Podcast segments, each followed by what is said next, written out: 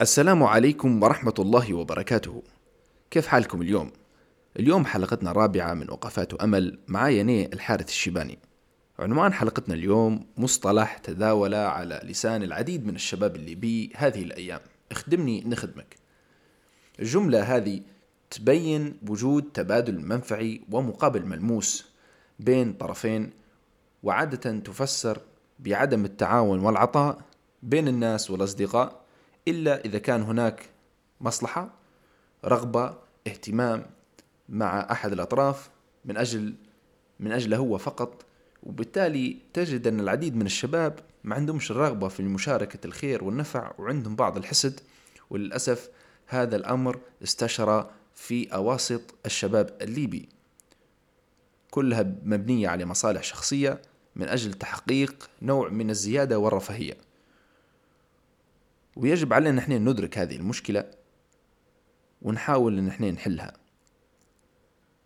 للأسف تجد حتى بعض من اللي هو يحاول يخدمك عارف إن بخدمتك هذه ممكن يوصل في خدمة ممكن أنت توفرها له فتلقاه يعني مثال يسارع من أجل أن يتم خدمة ما لك من أجل أن هو يصل بعدين في تلك الخدمة التي يمكن أن تقدمها له.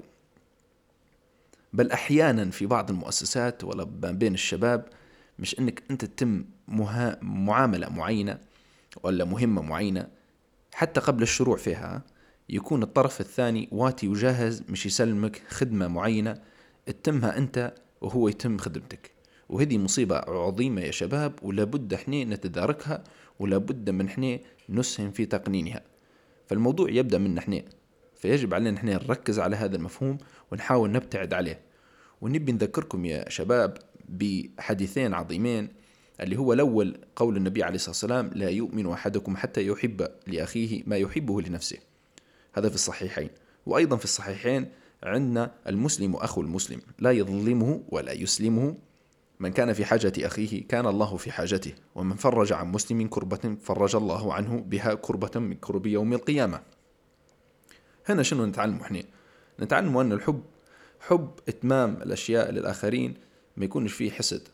وأيضا يجب علينا نحن نجتهد من أجل تفريج يعني الكروبات الخاصة بالمسلمين ونكون في حاجة إخواننا ونسهم في إتمام إجراءاتهم بقدر المستطاع. أكيد يعني الواحد يحاول أنه يتم معاملة معينة تيسيرا لأمور الناس في وسطية وعدل وصدق وأمانة وأيضا ما تكونش هذا يعني تسهيل أو مساعدة في ميول الإنسان أو الشاب نحو الحرام والفساد.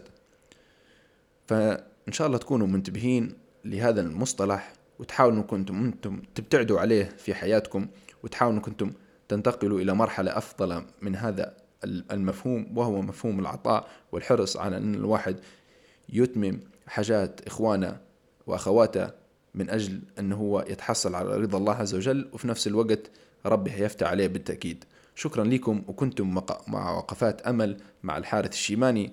دام يومكم بخير والسلام عليكم ورحمة الله وبركاته.